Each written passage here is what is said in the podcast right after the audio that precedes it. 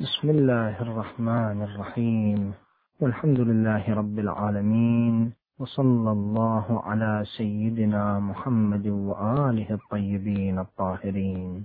الحمد لله قاصم الجبارين مبير الظالمين مدرك الهاربين نكال الظالمين صريخ المستصرخين موضع حاجات الطالبين معتمد المؤمنين. مما نحمد الله عليه أنه سبحانه وتعالى معتمد المؤمنين.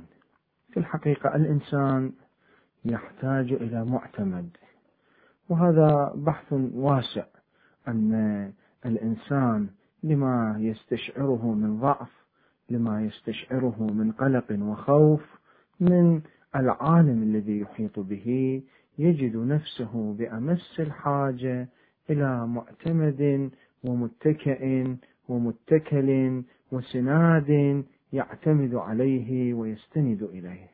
والإنسان يحاول أن يعبئ حاجته إلى المعتمد وحاجته إلى السند الذي يتكل عليه ويعتمد عليه يحاول أن يعبئها بوسائل مختلفة من جملتها أنه يعتمد على الآخرين. ويعتمد على بعض الناس الذين يمكن في لحظة من اللحظات حينما تتقاطع المصالح فيما بينهم أن يتخلوا عنه. وأيضا يمكن أن يعتمد في بعض الأحيان على نفسه وفي الحقيقة هو حينما يعتمد على نفسه يعيش مغالطة كبرى مع نفسه لأن الإنسان هو يدرك في قرارة نفسه أنه ضعيف لا قبل له بهذه الأمور التي تحيط به من أخطار والتي تهدده والتي يمكن في أي لحظة من اللحظات أن تصيبه بشدة ومحنة لا قبل له بها. هذه الطبيعة ومظاهرها تبعث القلق في نفس الإنسان. الظلم والظالمين والمسيطرين والمستبدين من الحكام يبعثون القلق في نفوس الناس ويبعثون الإرهاب في نفوس الناس وإلى آخره من الأسباب والمناشئ التي تجعل الإنسان يعيش حالة القلق. الإنسان حينما يريد أن يفتش في داخل نفسه قبل أن يفتش في خارجها أنه حينما يبحث عن معتمد ما هي مواصفات ذلك المعتمد الذي يعتمد عليه. تجد أنه يحتاج أولا أن يكون ذلك المعتمد قويا قوة يتمكن من خلالها أن يركن ويثق بقوته وقدرته. ويحتاج أيضا إلى أن يكون ذلك المعتمد عارفا بمصالح من يعتمد عليه. وإلا ما ينفعنا أن نعتمد على شخص لديه من القوة الشيء الكثير ولكن ليس لديه ذلك العقل والتدبير والعلم الذي يمكنه من توظيف هذه القوة في الاتجاهات التي نطمح إليها. وأيضا يحتاج إلى أن يكون معتمده آه، بحالة بحيث يعيش حالة اهتمام به. ولا يوجد كثير من الناس لديهم مستويات معينة من القوة ومن العلم ومن الإدراك ومن التدبير ولكن هؤلاء قد لا يهتمون بهذا الإنسان بحيث يجد أن قوته أن قوة ذلك الشخص وأن تدبير ذلك الشخص وأن علم ذلك الشخص يكون بعيدا عنه لا يكون من صالحه ولا يكون من مصلحته. ولكن هذه المواصفات في الحقيقة في كثير من الأحيان يحاول الإنسان أن يحصل ولو نسبة منها ولو حدا معينا منها فيما يحيط به فيما لو بقي يفكر فقط في أطار عالم الدنيا وعالم المادة ولكن لو عاد إلى مبادئه لو عاد إلى فطرته التي تجعله يؤمن بالله سبحانه وتعالى وأيضا لو عاد إلى الإسلام الذي جاء ليعضد هذه الفطرة وليعرفه ربه سبحانه وتعالى سيجد أن حلمه في الاعتماد وفي الاتكال وفي الاستناد يجد أن حلمه قد تحقق بأعلى درجاته في ذات الله سبحانه وتعالى كيف؟ لأن الله سبحانه وتعالى أولا هو على كل شيء قدير وثانيا هو بكل شيء عليم وهو الذي يدبر الأمر من السماء إلى الأرض. وإذا هاتان الخصوصيتان متوفرتان. وثالثا أن الله سبحانه وتعالى من لطفه ورحمته بعباده المؤمنين هو تعهد لهم بهذه الرعاية وبهذا الاهتمام الذي يحتاجه كل إنسان. لماذا؟ كيف؟ يمكننا أن نلمس هذا الاهتمام الإلهي وهذا الضمان الإلهي لعبده فيما لو اعتمد عليه. نلمسه في قوله تعالى ومن يتوكل على الله فهو حسبه. أيضا يقول هو سبحانه وتعالى وعلى الله فليتوكل المتوكلون. هؤلاء الناس الذين يبحثون عن معتمد يبحثون عن آه، شخص أو عن جهة يتوكلون عليها ويعتمدون عليها ينبغي أن يعتمدوا على الله سبحانه وتعالى ينبغي أن يتكلوا على الله سبحانه وتعالى. وأيضا ورد في بعض الآيات الكريمة وعلى الله فليتوكل المؤمنون. أن المؤمن إيمانه هو الذي يقوده إلى أن يتوكل على الله سبحانه وتعالى. ونحن في هذا الدعاء أيضا حينما نحمد الله سبحانه وتعالى ونسبح الله سبحانه وتعالى ونثني عليه ماذا نقول؟ الحمد لله مبير الظالمين مدرك الهاربين نكال الظالمين صريخ المستصرخين موضع حاجات الطالبين معتمد المؤمنين. هذا هو المعتمد الذي يبحث عنه الإنسان على مر تاريخه. وهذه المعرفة هي التي تتجسد بقوله تعالى الذين قال لهم الناس إن الناس قد جمعوا لكم فاخشوهم فزادهم إيمانا. وقالوا حسبنا الله ونعم الوكيل فانقلبوا بنعمة من الله وفضل لم يمسسهم سوء.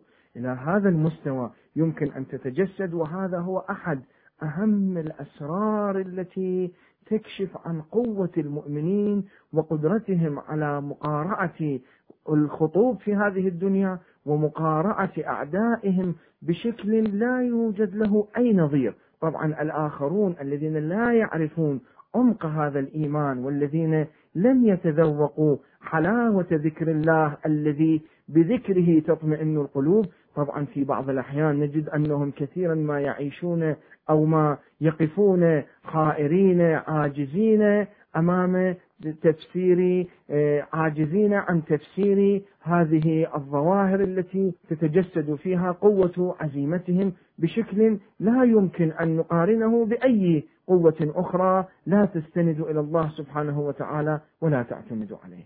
وأيضا نعود إلى الدعاء الكريم.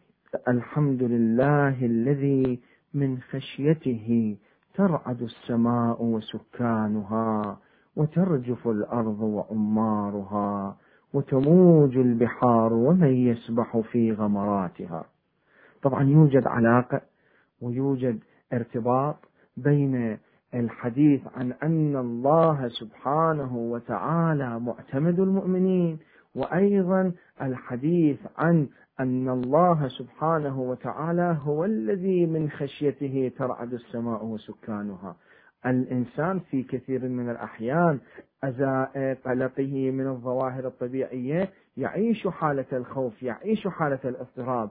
هذه الفقرة من الدعاء تؤكد أن هذه الأمور كلها بيد الله سبحانه وتعالى وأن هذه الأمور هي التي تضطرب وترتجف وتموج أمام عظمة الله سبحانه وتعالى وأنها هي التي تخشى الله سبحانه وتعالى. فاذا فالله أحق أن نخشاه. ما دامت هذه الأمور هي كلها مسخرة لله سبحانه وتعالى. فلهذا لا يقلقنا لا تقلقنا الظواهر السماوية. الحمد لله الذي من خشيته ترعد السماء وسكانها. نحن حينما نعتمد على الله سبحانه وتعالى ويكون كل الأمر بيد الله سبحانه وتعالى وهو سبحانه وتعالى قد ضمن لنا أن من منا يعتمد عليه ويتوكل عليه فهو حسبه فهو يكفيه فهو يرتب له أموره بالشكل الذي يناسبه وبالشكل الذي يضمن له سعادته. حينما نعيش هذا الإطمئنان بعد لا يقلق لا تقلقنا كل هذه الأمور وإنما هذه الأمور تمثل مظهرا من مظاهر الأمن بالنسبة إلينا مظهرا من مظاهر حمد الله سبحانه وتعالى مظهرا من مظاهر النظر إلى آه، قدس الله سبحانه وتعالى والتعلق بسبحات وجهه سبحانه وتعالى. لماذا؟ لأن الحمد لله الذي من خشيته ترعد السماء وسكانها. إذا السماء وسكانها كله كلها بيد الله سبحانه وتعالى.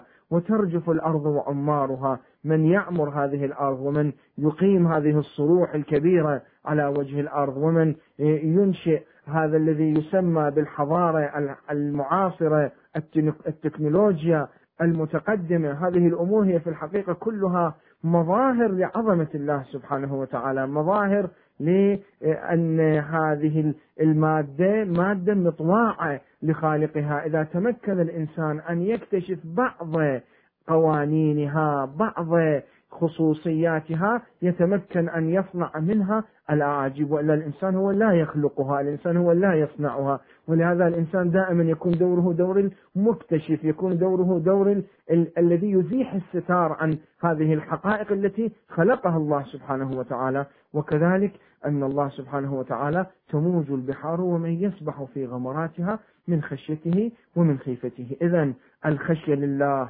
والاعتماد على الله والتوكل على الله سبحانه وتعالى. الحمد لله الذي هدانا لهذا وما كنا لنهتدي لولا أن هدانا الله.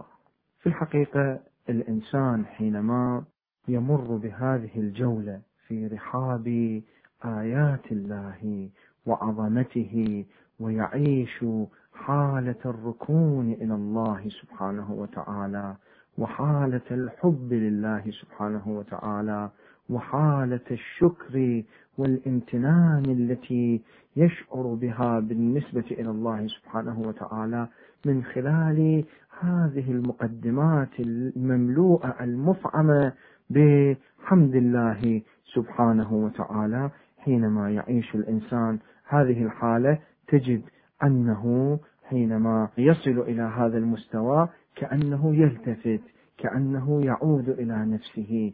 يقول من الذي أوصلني إلى هذه المعرفة بالله؟ من الذي أوصلني إلى هذا الإدراك لعظمة الله سبحانه وتعالى؟ من الذي جعلني أستشعر حلاوة الخشوع إلى الله سبحانه وتعالى؟ حلاوة الحمد لله سبحانه وتعالى؟ حلاوة اللجوء إلى الله سبحانه وتعالى حلاوة وإطمئنان التوكل على الله سبحانه وتعالى والإعتماد على الله سبحانه وتعالى.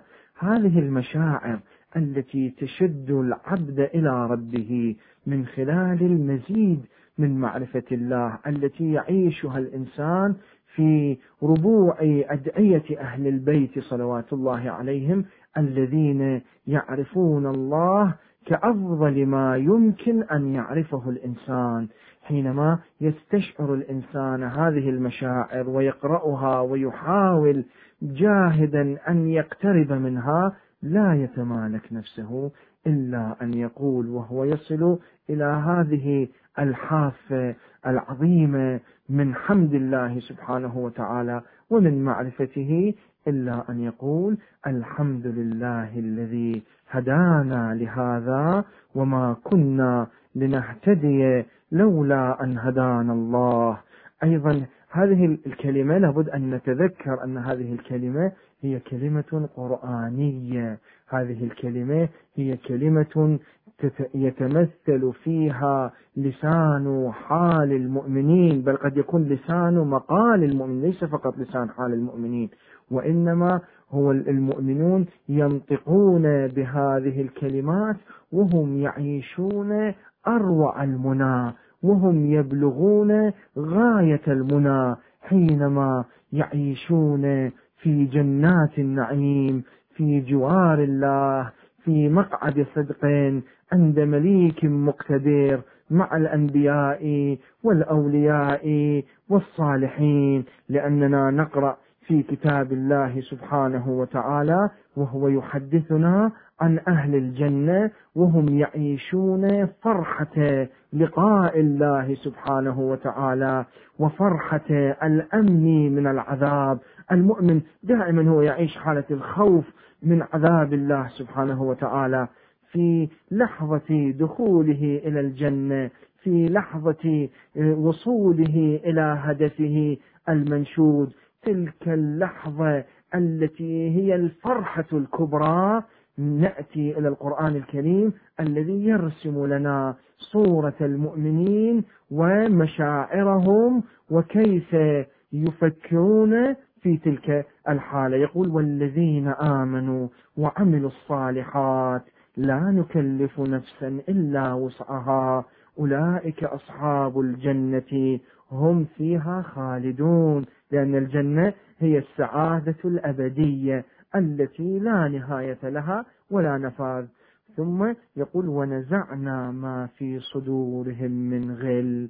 هذه هذا الغل وهذا الغيظ الذي يكون في كثير من الأحيان في القلوب في النفوس. عندما لا يكون هناك انسجام بين النفوس حينما لا يكون هناك آه، تلاحم فيما بين القلوب بشكل كامل يكون هناك حواجز هذه الحواجز لعل المقصود القرآني من من الغل هو هذه الحواجز. ونزعنا ما في صدورهم من غل تجري من تحتهم الأنهار. وقالوا لاحظوا أهل الجنة في تلك الحالة ماذا يقولون؟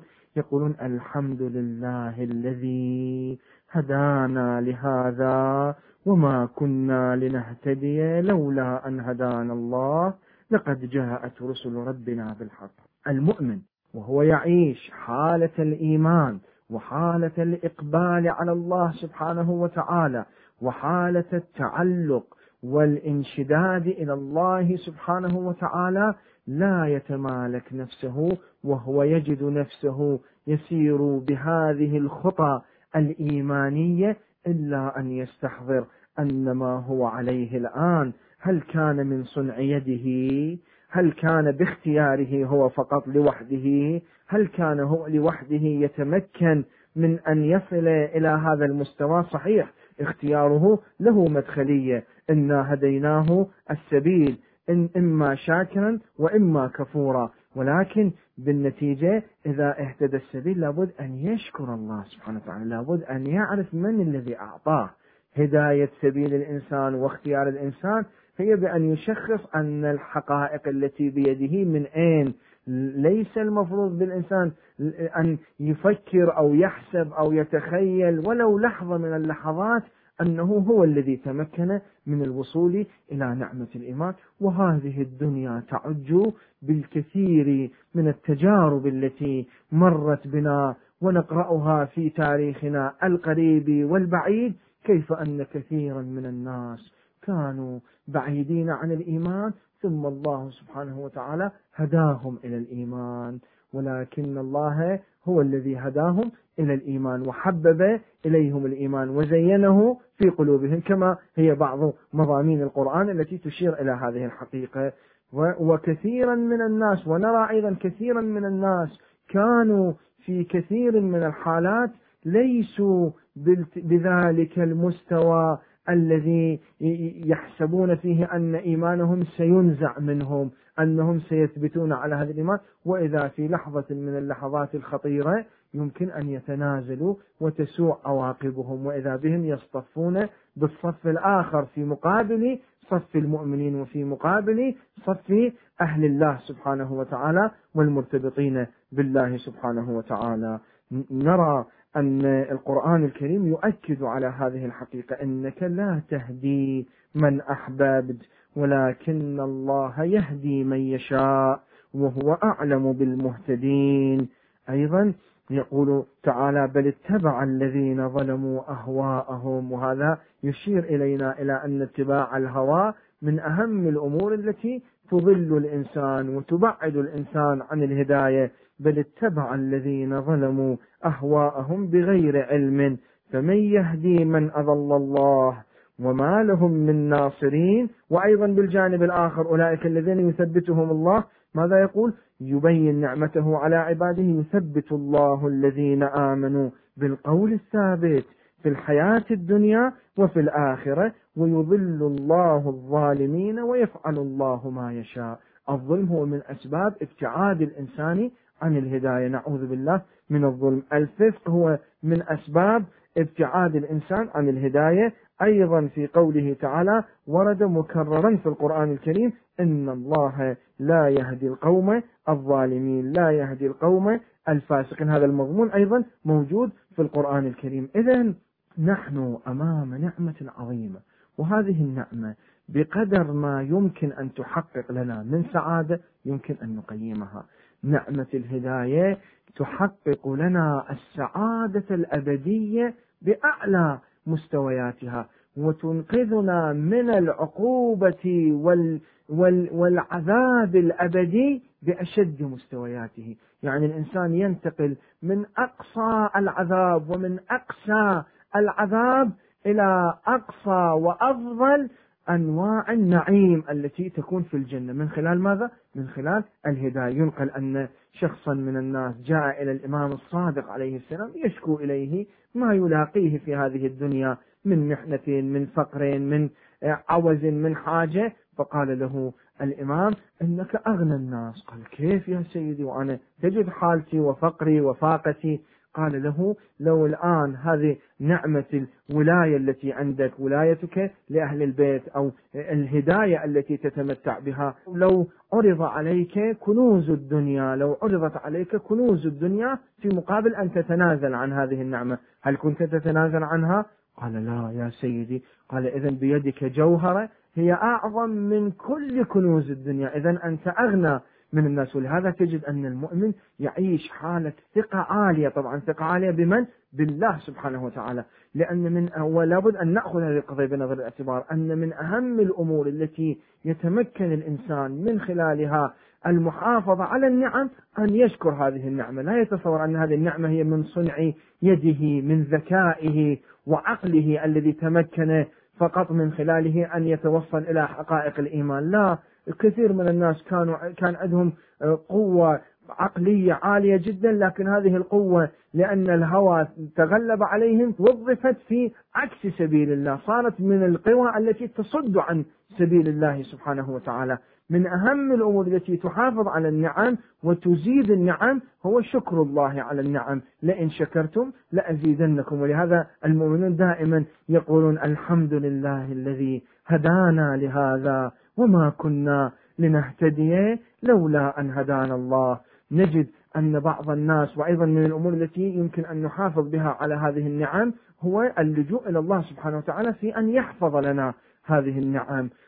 نجد أن بعض الناس المحسوبين على الإمام الكاظم عليه السلام اللي كانوا من وكلاء الإمام الكاظم عليه السلام بعد وفاته استأثروا بكثير من الأموال التي كانت لديهم للإمام الكاظم وادعوا أن الإمام عليه السلام لم يمت ووقفوا عليه وأنكروا إمامة الإمام الرضا عليه السلام. تحكي لنا بعض النصوص الشريفة كيف أن هؤلاء كان الناس يتصورون أنهم على درجات عالية من الإيمان ثم بعد ذلك الله سبحانه وتعالى عذبهم بأشد أنواع العذاب وكان هناك بعض التفسيرات لهذه القضية من قبل الأئمة يعني روي عنهم ذلك الأمر. يقول إن علي بن أبي حمزة البطائني اللي ظهر هو أحد أركان فتنة الواقفة وانحراف الواقفة عندما ابتلي بهذا البلاء وانحرف عن الدين وظل عن سبيل الله.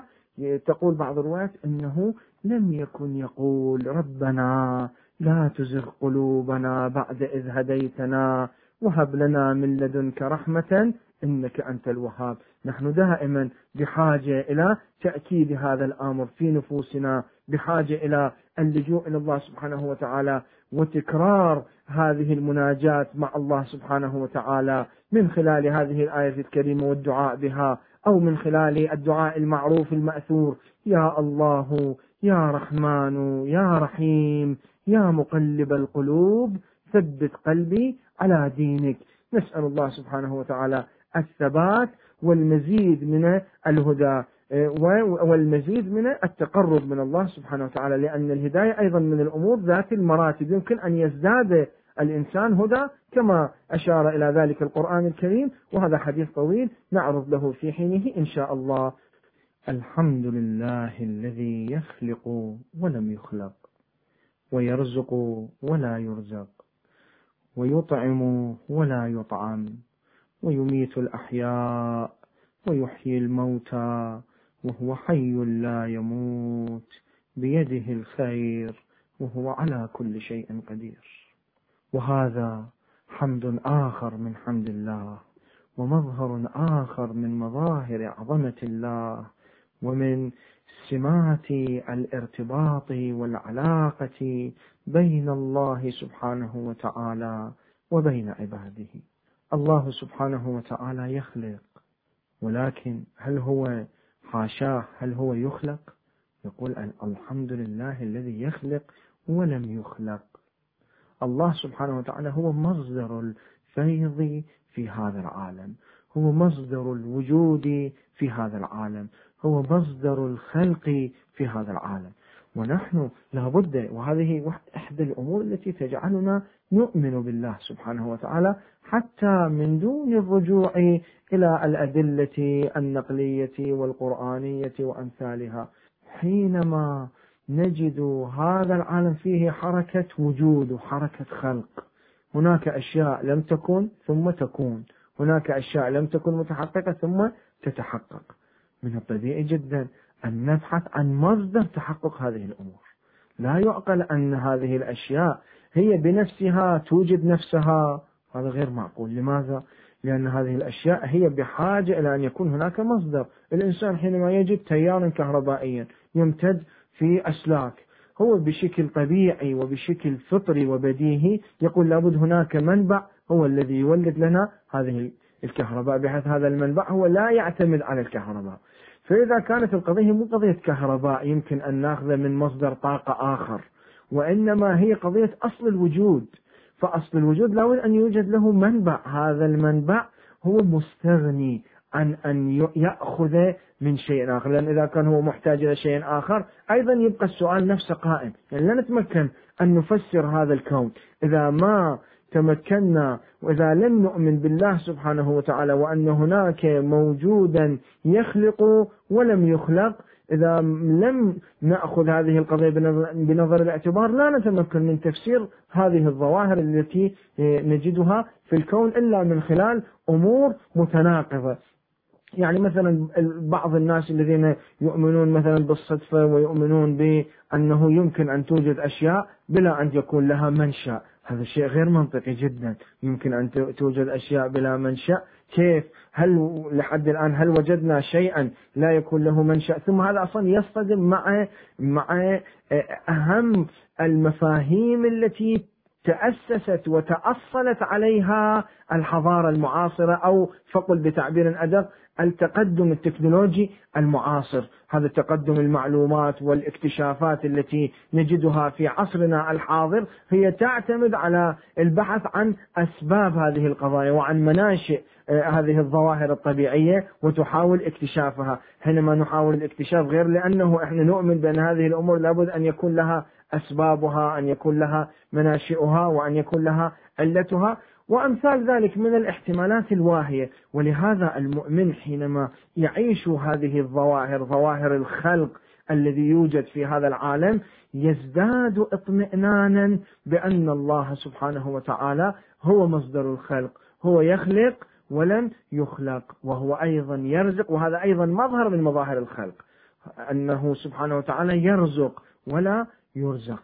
هو يرزق لكن هو لا يحتاج إلى الرزق لأن منه الرزق لأنه هو الذي لا تنفذ كما ذكرنا هذا في اللقاءات السابقة في شرح هذا الدعاء في رحاب هذا الدعاء الكريم الذي لا تنقص خزائنه ولا تزيده كثرة العطاء إلا جودا وكرما. إنه هو العزيز الوهاب. وكذلك هو سبحانه وتعالى يطعم ولا يطعم. هو لا يحتاج إلى طعام. هو هو الذي يطعمنا هو الذي يغذينا هو الذي يقوينا هو الذي يقيم عودنا. ولكن هو سبحانه وتعالى هو القوة وهو المنعة وهو العزة وهو المصدر لكل هذا الخير. وأيضا نقول الحمد لله الذي يرزق ولا يرزق ويطعم ولا الحمد لله الذي يخلق ولم يخلق ويرزق ولا يرزق. طبعا هناك نكتة مهمة أيضا ينبغي التوجه إليها. قال يخلق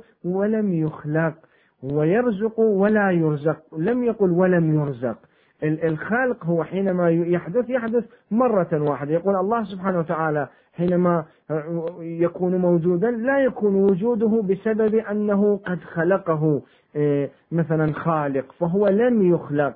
يعني هذا الشيء لم يتحقق في الماضي ولكن إذا هو وجد بعد لا معنى نقول ولا يخلق. يعني هو لم يخلق هو موجود بعد لا يحتاج إلى خلق آخر. وأيضا أما يرزق لا الرزق يمكن أن نتصور أنه هناك رزق ثم هذا الرزق آه، لم يحدث سابقا ثم بعد ذلك يحدث. فلهذا جاء التعبير مختلفا. قال يخلق ولم يخلق ويرزق ولا يرزق. وكذلك يطعم وكذلك يميت ويحيي ويطعم ولا يطعم ويميت الأحياء.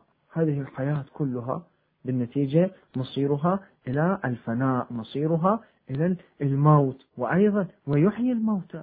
هذه حركة الحياة والموت. التي هي أصعب حركة في دائرة الوجود وأهم حركة في دائرة الوجود. هذه كلها بيد الله سبحانه وتعالى. فهو يميت الأحياء وهو يحيي الموتى. وهو سبحانه وتعالى هل يمكن والعياذ بالله أن أن تطرأ عليه هذه الطوارئ طوارئ الحياة والموت؟ وهو حي لا يموت. هو سبحانه وتعالى حي لا يموت.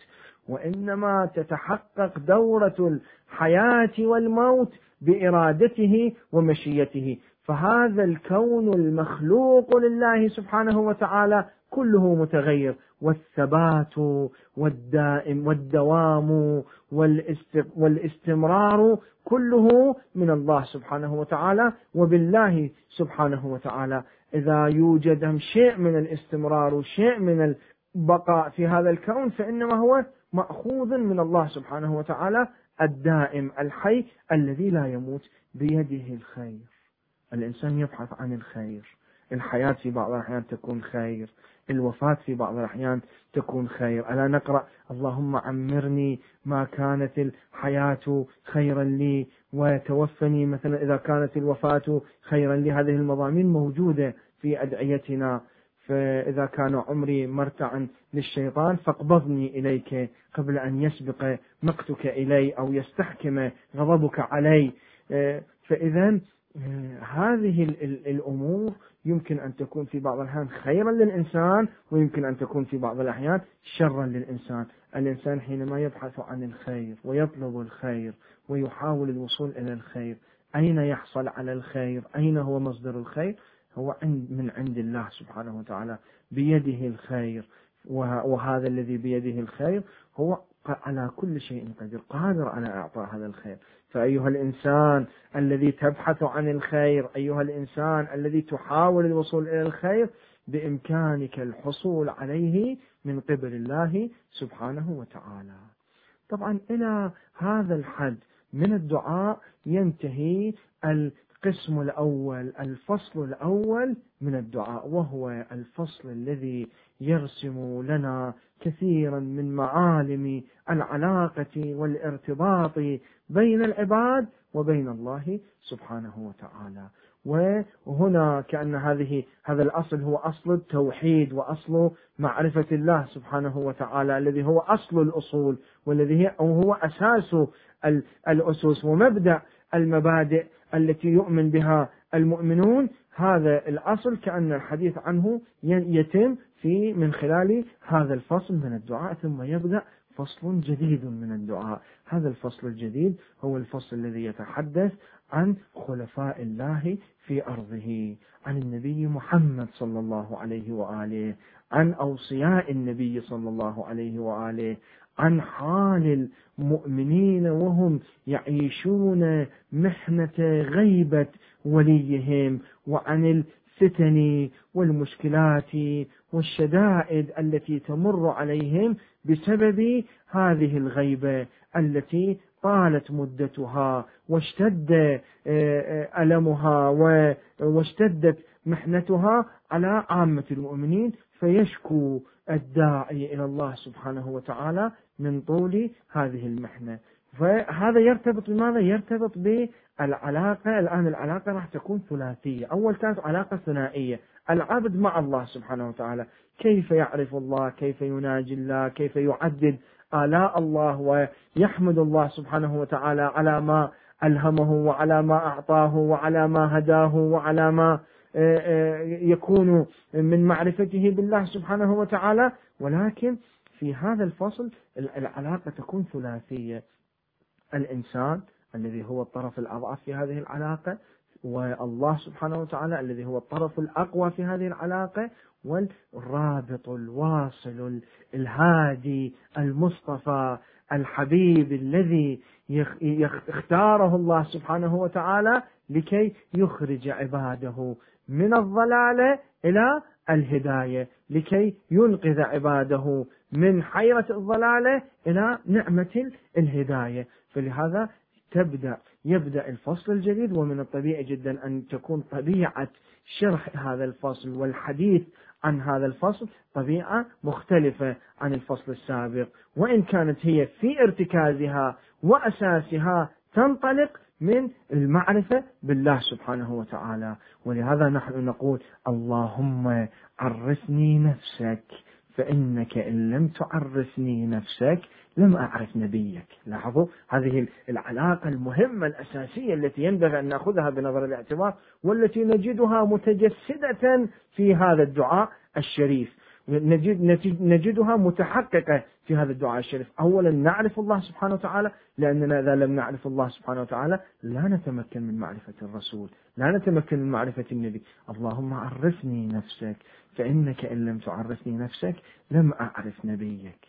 ثم بعد أن نعرف النبي صلى الله عليه وآله ونعرف موقعه من الله سبحانه وتعالى ننتقل إلى الخلفاء النبي صلى الله عليه وسلم الحجة التي تكون بيننا وبين الله سبحانه وتعالى. ولهذا الدعاء أيضا ماذا يقول؟ اللهم عرفني نبيك فإنك إن لم تعرفني نبيك لم أعرف حجتك. اللهم عرفني حجتك. فإنك إن لم تعرفني حجتك ضللت عن ديني. هذا الدعاء إذا تمعن به الإنسان وقرأه الإنسان قراءة واعية وحقيقية وعاشته مشاعره ليس فقط لقلق به لسانه وإن كان في لقلقة اللسان أيضا قد يكون فيها بعض البركات كما أشرنا إلى ذلك في مطلع آه، آه، شرح هذا الدعاء. ولكن عاش مشاعر هذا الدعاء. عاش روعة هذا الدعاء عاش في رحاب هذا الدعاء. حقيقة يمكنه أن يعرف الله سبحانه وتعالى ثم انطلاقا من معرفة الله سبحانه وتعالى يمكنه أن يعرف النبي صلى الله عليه وآله. من خلال الفقرات التي إن شاء الله نتعرض لها في اللقاءات القادمة ثم يمكنه أن يعرف الحجة الأئمة والولي الغائب من خلال ختام ذلك الدعاء الذي يتحدث عن علاقة الناس مع إمامهم الغائب المنتظر المهدي الموعود. عجل الله تعالى فرجه وسهل مخرجه. اللهم صل على محمد عبدك ورسولك وأمينك وصفيك وحبيبك وخيرتك من خلقك وحافظ سرك ومبلغ رسالاتك. الصلاة على النبي صلى الله عليه وآله. في الحقيقة تمثل حالة من حالات التعبير عن شكر النبي صلى الله عليه وآله وعن شكر الله سبحانه وتعالى على نعمة الهداية التي حملها إلينا رسول الله صلى الله عليه وآله وتحمل من جرائها ما تحمل. ولكن نحتاج إلى أن نعرف هل أن هذه الصلاة مجرد تعبير عن الامتنان للنبي صلى الله عليه وآله أو أنها تمثل أو تتمثل في بعد آخر من أبعادها يكون أهم ويكون أعمق من مجرد أنها مظهر من مظاهر الشكر والامتنان لله سبحانه وتعالى على نعمة بعثه للنبي صلى الله عليه وآله وأيضا موقف شكر وامتنان لرسول الله صلى الله عليه وآله على ما قدم وبذل من أجل هدايتنا ومن أجل إيصال الهدى إلينا. حتى عبر القرون والأجيال التي جاءت من بعده صلى الله عليه وآله.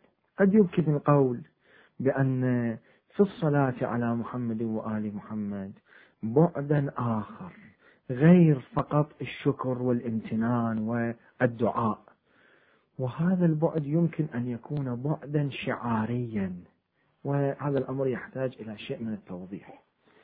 الإسلام العظيم من جملة الأمور التي قدمها لنا في آه، تكميل أنفسنا وفي تنظيم حياتنا أنه ليس فقط أعطانا معتقدات وأخلاق ومواقف في سلوكنا العمل الشخصي وإنما قدم لنا بعض الأمور التي يمكن أن يكون لها آثار اجتماعية بل حتى وسياسية كبيرة ومهمة على مستوى الأمة. عندما قدم لنا مجموعة من الشعائر الدينية وهذه آه، الفكرة وهذه النظرية طبعا وجدت آه، لعل من أفضل من يبحث عنها هو الشهيد الحكيم رضوان الله عليه في كتابه في تفسير سورة الحمد في كتابه التفسيري حينما يبين أن كثيرا من الأحكام تأخذ طابعا يرتبط ليس فقط بالمضمون وإنما بالشكل أيضا. لأنه تعلمون أن هناك شكل وهناك مضمون والإسلام من الطبيعي جدا أنه باعتبار هو جاء للحق وجاء لتكميل النفوس ولتقريبها من الله سبحانه وتعالى يكون اهتمامه الأساس هو المضمون. ولكن يا ترى هل أغفل الشكل وأهمل الشكل أو أنه لا؟ اهتم بدرجة عالية أيضا بالشكل الذي يحمل المضمون الحقيقي والمهم. ولهذا نجد على سبيل المثال من أحكام شهر رمضان أن الإنسان لا يجوز له أن يجاهر بالإفطار. هو الإنسان معذور في إفطاره والإنسان يمكنه أن يفطر. لعل والله العالم لعل السر في حرمة التجاهر بالإفطار هو أن هناك شعارا إلهيا لابد أن يحفظ وأن هناك حرمة اجتماعية لابد أن تحفظ. لا يمكن للإنسان أن يتجاوزها وأن يخترقها. وكذلك نجد هذا الأمر من خلال مراسيم الحج نجد هذا الأمر من خلال صلاة الجمعة نجد هذا الأمر من خلال صلاة الجماعة. وأمثالها من الأمور التي يتشكل فيها آه، المؤمنون من خلال موقف اجتماعي عام. هذا الموقف الاجتماعي يكون له بركات وآثار من جملتها أنه يمثل دعوة إلى المبدأ الذي يحمله ذلك الشكل الاجتماعي والهيكلية الاجتماعية التي تتحدث عن شعار من الشعارات يحمل مضمونا معينا إلى الأمم الأخرى إلى الآخر الخارج عن دائرة الإسلام والمسلمين. ومن جملتها أنه يحفظ للأمة وحدتها الاجتماعية حينما تلتقي بمظهر واحد. ومن مظاهرها ومن ومن فوائدها ومعطيات هذا الأمر أنه يمكن أن يعطي للأمة استقلاليتها في مقابل محاولات استلاب الهوية التي نعيشها في هذا اليوم كأزمة استثنائية تمر بها الأمة الإسلامية من خلال حركة العولمة السريعة التي تحاول ابتلاع كل الحضارات وكل الهويات هويات الشعوب وإعادة صياغتها بصياغة مرتبطة بشكل كامل بعناصر القوة المادية في هذا العالم. أما حينما يكون للمسلمين على سبيل المثال ونحن هدفنا وهمنا الآن والحديث في هذا الجانب خصائص وشعارات معينة يمكن أنه هذه الشعائر وهذه الشعارات يمكن أن تحافظ على تمثل جزءا أساسا من هذه الهوية. من أهم الأمور في هويتنا هو الصلاة على محمد وآل محمد. الصلاة على محمد وآل محمد ليست مستحب للإنسان أن يقول هذا الأمر فقط في ما بينه وبين الله سبحانه وتعالى. تعرفون أنه رأينا كثيرا من الروايات تؤكد على استحباب الصلاة على محمد وآل محمد بصوت عالي. الجهر بالصلاة على محمد وآل محمد. رفع الصوت بالصلاة على محمد وآل محمد. هذا يمثل شعار من الشعارات. هذا يمثل مظهر من مظاهر الارتباط بالنبي صلى الله عليه وآله. والإسلام والروايات كما شجعتنا على أصل الصلاة على محمد وآل محمد في مناجاتنا وخلواتنا مع الله سبحانه وتعالى. شجعتنا على الصلاة على محمد وآل محمد حتى على رؤوس الأشهاد.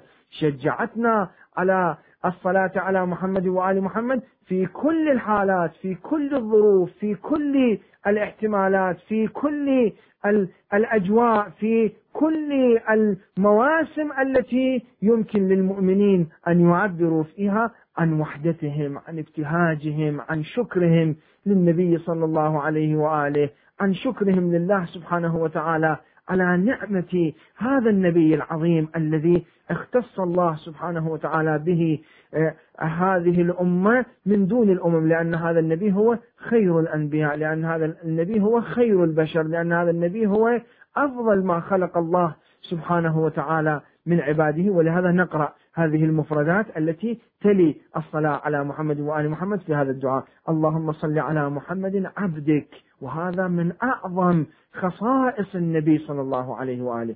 ونحن حينما نشهد للنبي صلى الله عليه وآله في الصلاة أنه رسول الله نشهد أنه عبد لله قبل أن نشهد بأنه رسول الله. نقول وأشهد أن محمدا عبده ورسوله وكأن في ذلك تذكيرا وتلقينا لنا إلى أننا مهما عظمنا النبي صلى الله عليه وآله فإنه يبقى عبدا لله وأن عظمته صلى الله عليه وآله من خلال صدق عبوديته لله سبحانه وتعالى.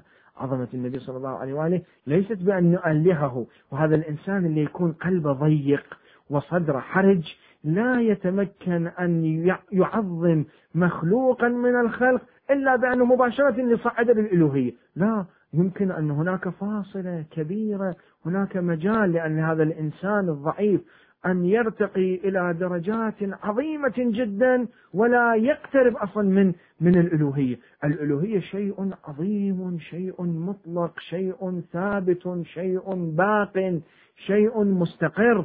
ليست الألوهية أمرا يمكن أن يكون في متناول يد كل أحد أو يد بعض الناس. لكن مع الأسف ضيق أفق بعض الناس حينما يعظم شخصا رأسا يريد يرفعه إلى مصاف الألوهية. وكأنه هو في الحقيقة هذا يرجع إلى عدم فهم الألوهية كما هي. وعدم فهم الإنسان كما هو. لا هذا الإنسان يمكن أن يكون عظيما بأعلى درجات العظمة ولكنها عظمة العبد ولكنها عظمة المخلوق ولكنها عظمة ذلك العبد المخلوق الذي يتقرب إلى الله سبحانه وتعالى ويطيعه وأن الله سبحانه وتعالى يفيض عليه من كراماته من منحه من عطاياه ما يجعله يرتقي ويرتقي ويرتقي في سلم الكمال. فهذا النبي صلى الله عليه وآله هو عبد الله قبل كل شيء. اللهم صل على محمد عبدك ورسولك. هو الرسول الذي أرسله الله سبحانه وتعالى بالهدى ودين الحق ليظهره على الدين كله. أرسله الله سبحانه وتعالى رحمة للعالمين. وأمينك. هذا الرسول كان أمينا. تلاحظون العلاقة بين الصفة الأمين وصفة الرسول. الرسول في بعض الأحيان لا يكون أمينا حينما ترسل أنت بعض الناس قد لا يكون أمينا بما فيه الكفاية. لكن هذا الرسول حينما تبوأ هذا المقام السامي هو كان بمستوى عالي من الأمانة بحيث تليق أمانته بهذا المقام السامي للرسالة الخاتمة لرسالة الإسلام. ورسولك وأمينك وصفيك. هذا الذي كان هناك حالة من الاصطفاء الله سبحانه وتعالى لوجود الصفي مأخوذ آه، من الاصطفاء وأيضا قد يكون من المصافات في المودة. الله سبحانه وتعالى آه، حينما يكون آه، لديه عبد من عباده هذا العبد يكون صافيا خالصا له يستحق أن يسمى أنه صفي الله. النبي صلى الله عليه وآله كان خالصا لله كان صافيا كان نقيا فهو صفي الله سبحانه وتعالى. وهنيئا له بهذا المقام العظيم وهنيئا لأمته بهذا النبي العظيم الذي يكون لهم أسوة حسنة. فنحن أيضا لابد أن نقتفي أثره ونتبع أثره ونقتفي بخطاه لكي أيضا ننال ولو جزءا ولو شيئا ولو حظوة من هذا الصفاء ببركته وبشفاعته. وأمينك وصفيك وحبيبك كون النبي صلى الله عليه وآله حبيب الله يعني هو أحب الخلق إلى الله يعني بلغ حب الله سبحانه وتعالى له إلى حد بحيث استحق هذا المقام العظيم هذا مقام أن يكون ليس فقط محبوبا لله وإنما هو حبيب لله سبحانه وتعالى وحبيبك وخيرتك من خلقك. الله سبحانه وتعالى كما ورد لدينا في بعض الروايات أطلع على خلقه فاختار منهم نبيه محمد صلى الله عليه وآله. لاحظوا؟ يعني أن أن النبي صلى الله عليه وآله كان الخيرة التي اختارها الله، الخيرة مأخوذة من الاختيار، الإنسان حينما يريد أن يختار شيئا حسنا يعني ماذا ينتخب شيئا؟ ويختص شيئا بالانتخاب والاختيار. فهذا الرجل العظيم الله سبحانه وتعالى كما ورد لدينا في بعض الروايات اطلع على خلقه اطلاعا فاختار منهم نبيه محمد صلى الله عليه وآله. فهو خيرة الله. فهو الخيرة العظمى لله سبحانه وتعالى. أول ما اختار الله سبحانه وتعالى هو هذا النبي العظيم. وخيرتك من خلقك وحافظ سرك. ومبلغ رسالاتك. النبي صلى الله عليه وآله أيضا هناك أسرار إلهية الله سبحانه وتعالى استودعها فيه هو حفظها وهو بلغ رسالات الله سبحانه وتعالى إلى أمته وإلى هذه الأجيال من خلال الوسائط التي نصبها. اللهم صل على محمد عبدك ونبيك. وأمينك وصفيك وحبيبك وخيارتك من خلقك وحافظ سرك ومبلغ رسالاتك.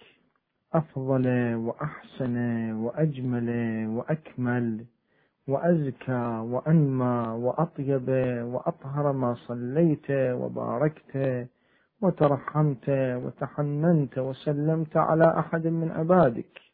وأنبيائك ورسلك وصفوتك وأهل الكرامة عليك من خلقك. هذه الطريقة في الدعاء للنبي صلى الله عليه وآله في الصلاة على النبي صلى الله عليه وآله.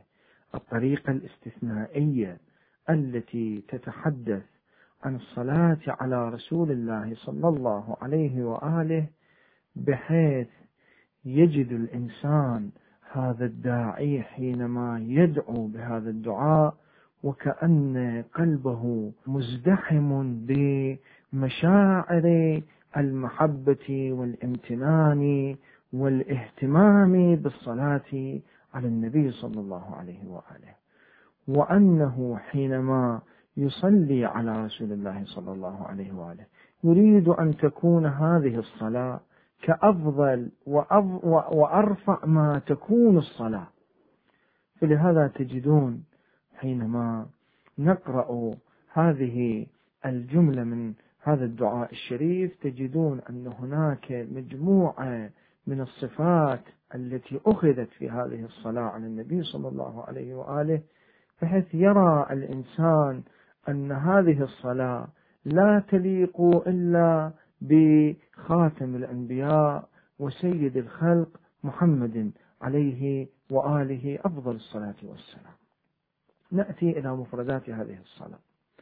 بعد أن كنا في اللقاء السابق قد شرحنا الصفات التي وصف بها النبي صلى الله عليه وآله أنه عبد الله رسوله أمينه صفيه حبيبه خيرته من خلقه حافظ سره مبلغ رسالاته ثم تتحدث هذه الجملة من الدعاء عن طبيعة هذه الصلاة.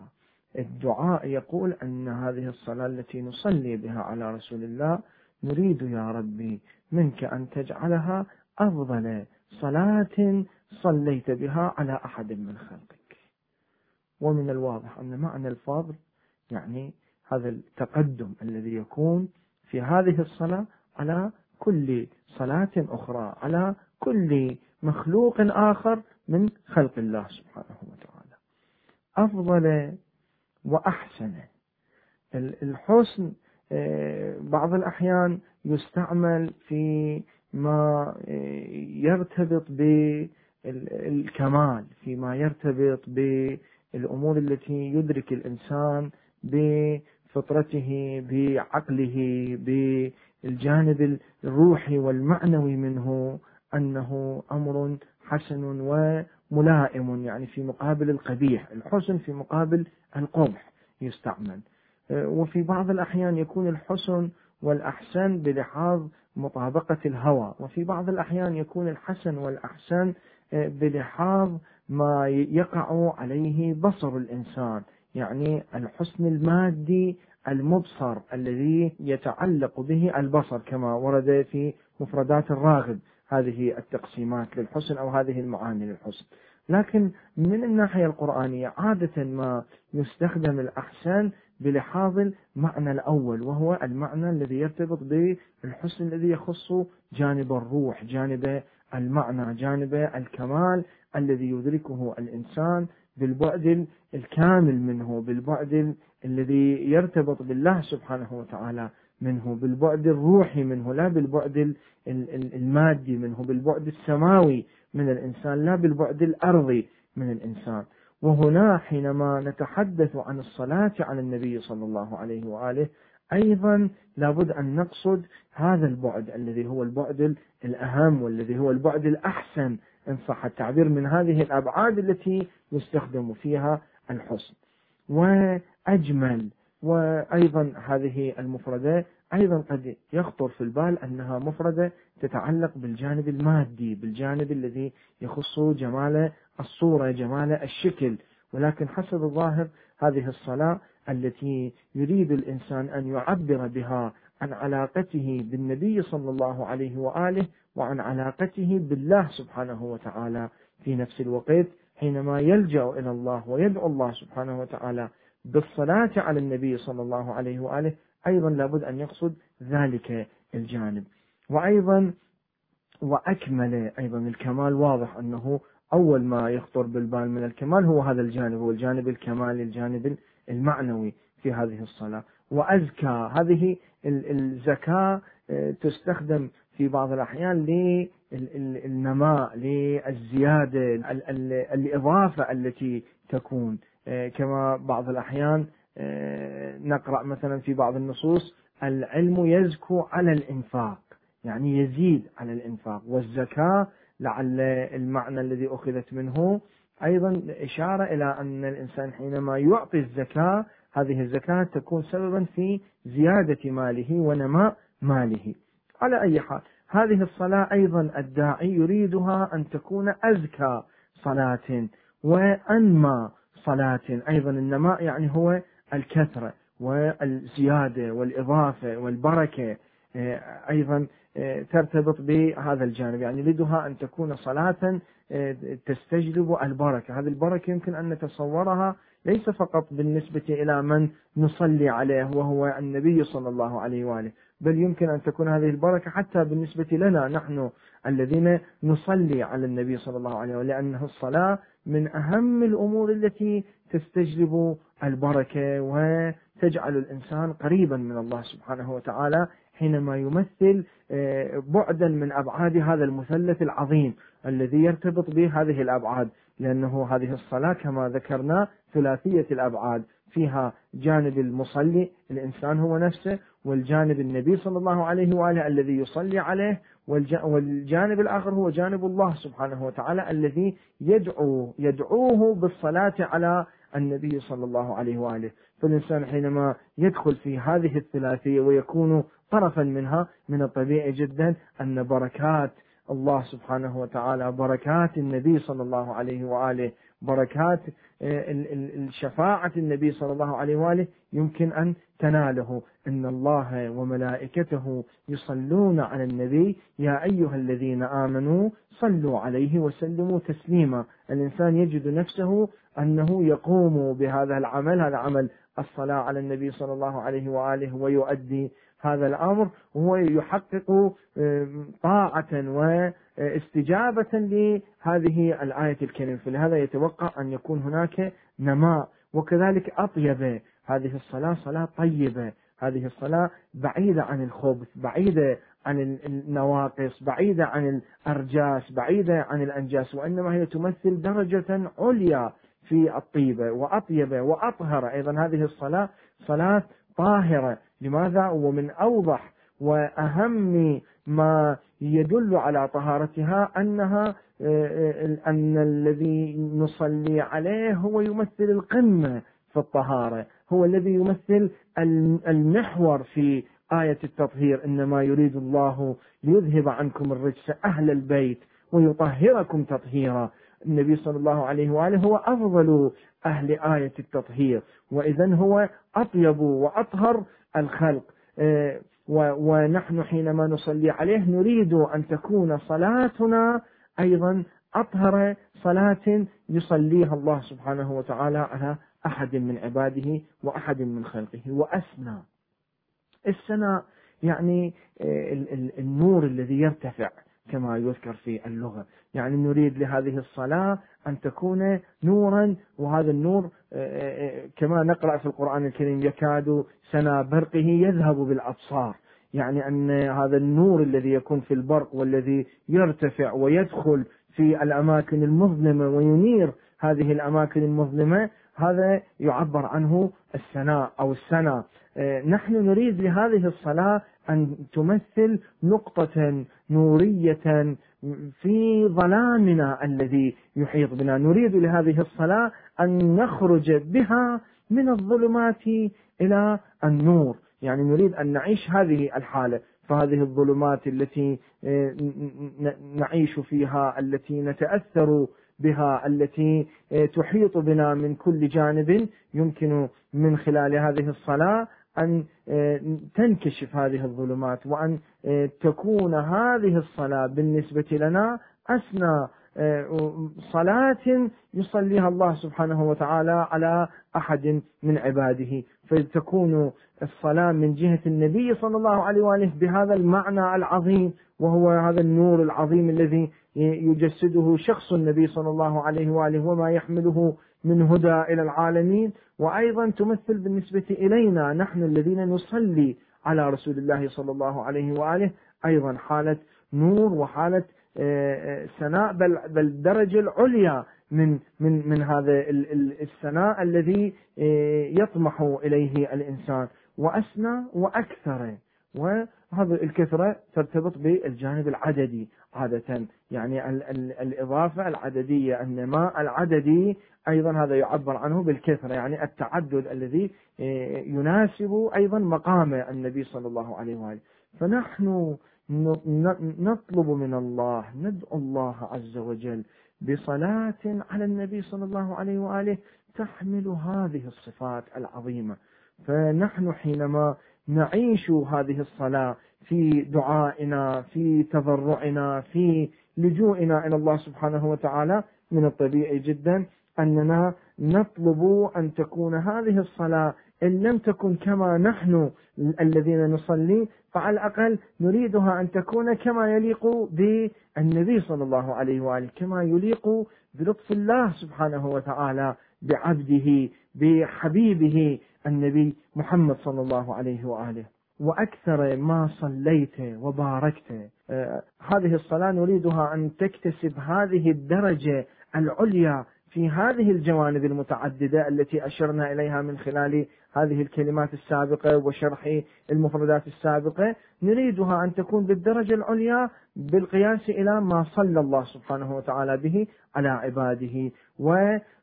وأكثر ما صليت وباركت البركة أيضا هي فيها حالة النماء وحالة الزيادة وترحمت الترحم هو الاستجابة لحاجة المخلوق إلى الرحمة. يعني أن يكون هناك تجاوب مع حاجته إلى الرحمة. هذا يعبر عنه حسب الظاهر الترحم. وترحمت وتحننت. أيضا جانب الحاجة المخلوق إلى إلى الحنان الإلهي الذي يتجسد باسم الحنان لأن من أسماء الله الحسنى أنه هو سبحانه وتعالى الحنان فالاستجابة لحالة الحاجة إلى الحنان الذي يحتاجها العباد هذه يعبر عنها بالتحنن. وتحننت وسلمت. السلام يعني يمكن أن يكون من السلامة أن يكون الإنسان سالما بريئا من كل عيب من كل نقص. ولهذا نقول بعض الأحيان نعبر السلامة يعني في مقابل الموت في مقابل الأمراض في مقابل. نريد هذه السلامة أن تكون في مقابل كل النواقص في, في مقابل كل السلبيات. والحمد لله رب العالمين.